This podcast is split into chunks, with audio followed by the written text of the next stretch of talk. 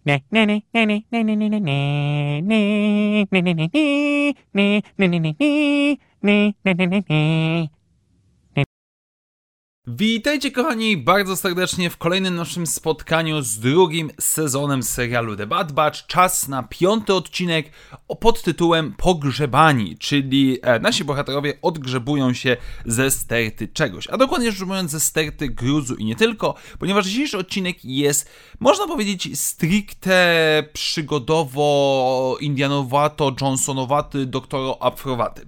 Mianowicie nasza ekipa, która na chwilę, można powiedzieć, w tym momencie ma trochę wolnego, nie ma za bardzo co robić, przypadkiem dzięki Omedze odnajduje e, magiczne znajdźko, magiczny powiedzmy świecidełko, które okazuje się być kompasem prowadzącym na pewną opuszczoną planetę, gdzie ma znajdować się super legendarny skarb. I w ich podróży towarzyszy im Fi, poszukiwaczka, którą widzieliśmy w pierwszym odcinku e, tego sezonu, która okazuje się być e, piratką, czy też łowczynią nagród, nie łowczynią nagród, tylko łowczynią skarbów, e, która przeżyła tysiące i więcej przygód. No i nasza ekipa sobie podróżuje, rozwiązuje zagadki, mamy powiedzmy wydarzenia takie stricte. Mm, jak w filmach z zaginionymi miejscami. No i na końcu okazuje się, że tak naprawdę cała świątynia, czy miejsce, w której znajdują skarb, nie jest e, typową świątynią, tylko jest tak naprawdę żyrafo-potworem z Horizon Zero Dawn. Serio, to jest ten, ten potworek, którego widzieliśmy w trailerze. Niemal jeden do jednego skopiowany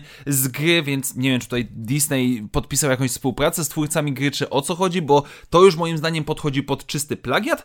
No ale nasza ekipa ostatecznie pokonuje czy też powiedzmy dezaktywuje naszego potwora, który niszczy wszystko na swojej drodze, no i odlatują. I generalnie rzecz ujmując, gdybym miał um, opisać ten odcinek, moim zdaniem jest to absolutnie zmarnowany potencjał, bo generalnie rzecz ujmując, nie ma nic złego w tym, że sama historia nie wiąże nam się z Crosshairem, sama historia nie wiąże nam się z Imperium, z jakimiś poszukiwaniami itd. Tak nie, nie byłoby w tym nic złego. Odcinek dosyć szybko nam wskazuje na to, że będziemy mieli e, grupkę naszych klonów w pełnym składzie, plus Omega, plus kogoś z zewnątrz.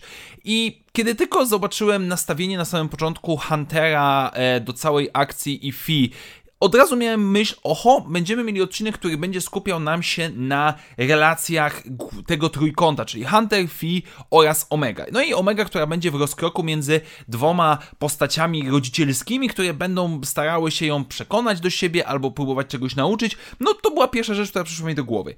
Nic praktycznie z tego nie zostało zrealizowane, a cały odcinek tak jak niektórzy piszą w innych recenzjach, jest po prostu nudny, a moim zdaniem jest strasznie zmarnowany. Po pierwsze, ta relacja, o której mówiłem. W momencie, kiedy nasza ekipa zostaje podzielona i, i, właśnie ta nasza trójka idzie sobie powiedzmy do przodu, no to myślałem, że będzie jakaś rozmowa, jakiś dialog, jakieś powiedzmy nauczanie, że Omega musimy być ostrożni, bo jesteśmy poszukiwani, etc., etc. Ej, młoda, daj spokój, masz swoje życie i tak dalej.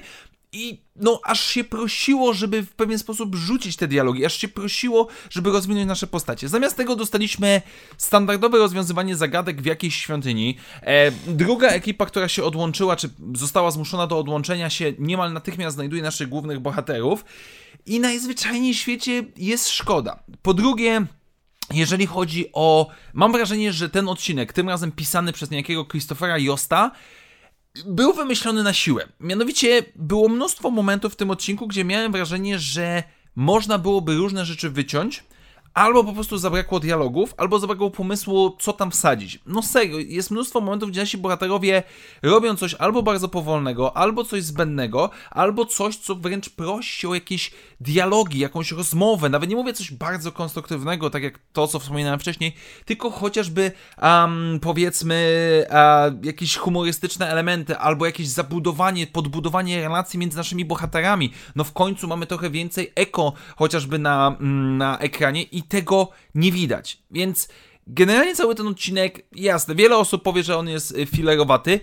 Jest filerowaty. To, to nawet już poprzedni z podracerami, który o wiele był bardziej ciekawy, ładniejszy. Tutaj jasne, ok, niektóre widoczki zniszczonej planety z rozwalonym, z rozwaloną żyrafą w tle na koniec, jak najbardziej ładne, ok, ale sam odcinek no nic nie wnosi. I, I, to jest strasznie zmarnowany potencjał, bo był pomysł, było, znaczy pomysł, było miejsce, żeby to zrobić. Był, było możliwość żebyśmy dodali e, właśnie tę rozbudowę relacji, próbowalibyśmy pokierować w tę stronę Omegę, która na razie nic w tym sezonie e, w żaden sposób się nie kierunkowuje, co jest zmarnowanym potencjałem.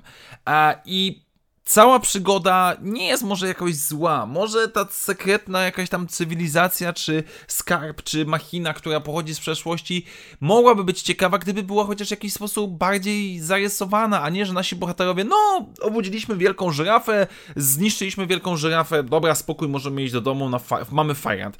No, najzwyczajniej w świecie, moim zdaniem, to nie działa. I nie mam nic więcej do powiedzenia, bo w tym odcinku za wiele się nie dzieje tak naprawdę. Jest mnóstwo momentów ciszy, zmarnowanego potencjału niestety i moim zdaniem, jeżeli już mamy mieć jakieś skarby, jeżeli mamy mieć jakieś ukryte cywilizacje starożytne, potworki czy inne tego typu rzeczy, zostawmy to specjalistą, a, doktor, a dokładnie rzecz mówiąc doktor Afrze w jej serii komiksowej, bo inaczej nie ma co tutaj robić i niestety chyba na tą chwilę, no nie, nie wiem czy najgorszy odcinek, ale najbardziej bolący z tego względu, że e, najbardziej zmarnowany potencjał na jakikolwiek większy rozwój w skali całego sezonu. Szkoda, szkoda i jeszcze raz Szkoda. Tak więc dziękuję Wam bardzo serdecznie, moi drodzy, za dzisiejsze krótkie spotkanie, bo no, nie ma za bardzo o czym mówić, moim zdaniem. E, standardowo przypominam, że jeżeli podoba Wam się to, co robię na kanale, możecie wesprzeć moją działalność, stawiając mi wirtualną kawę, do której link znajdziecie w opisie. I standardowo zachęcam do komentowania, subskrybowania, lajkowania, oznaczania dzwoneczków i udzielania się w wszelki możliwy sposób. Jeszcze raz wielkie dzięki, do zobaczenia w następnych materiałach i jak zawsze niech moc będzie z Wami. Na razie, cześć!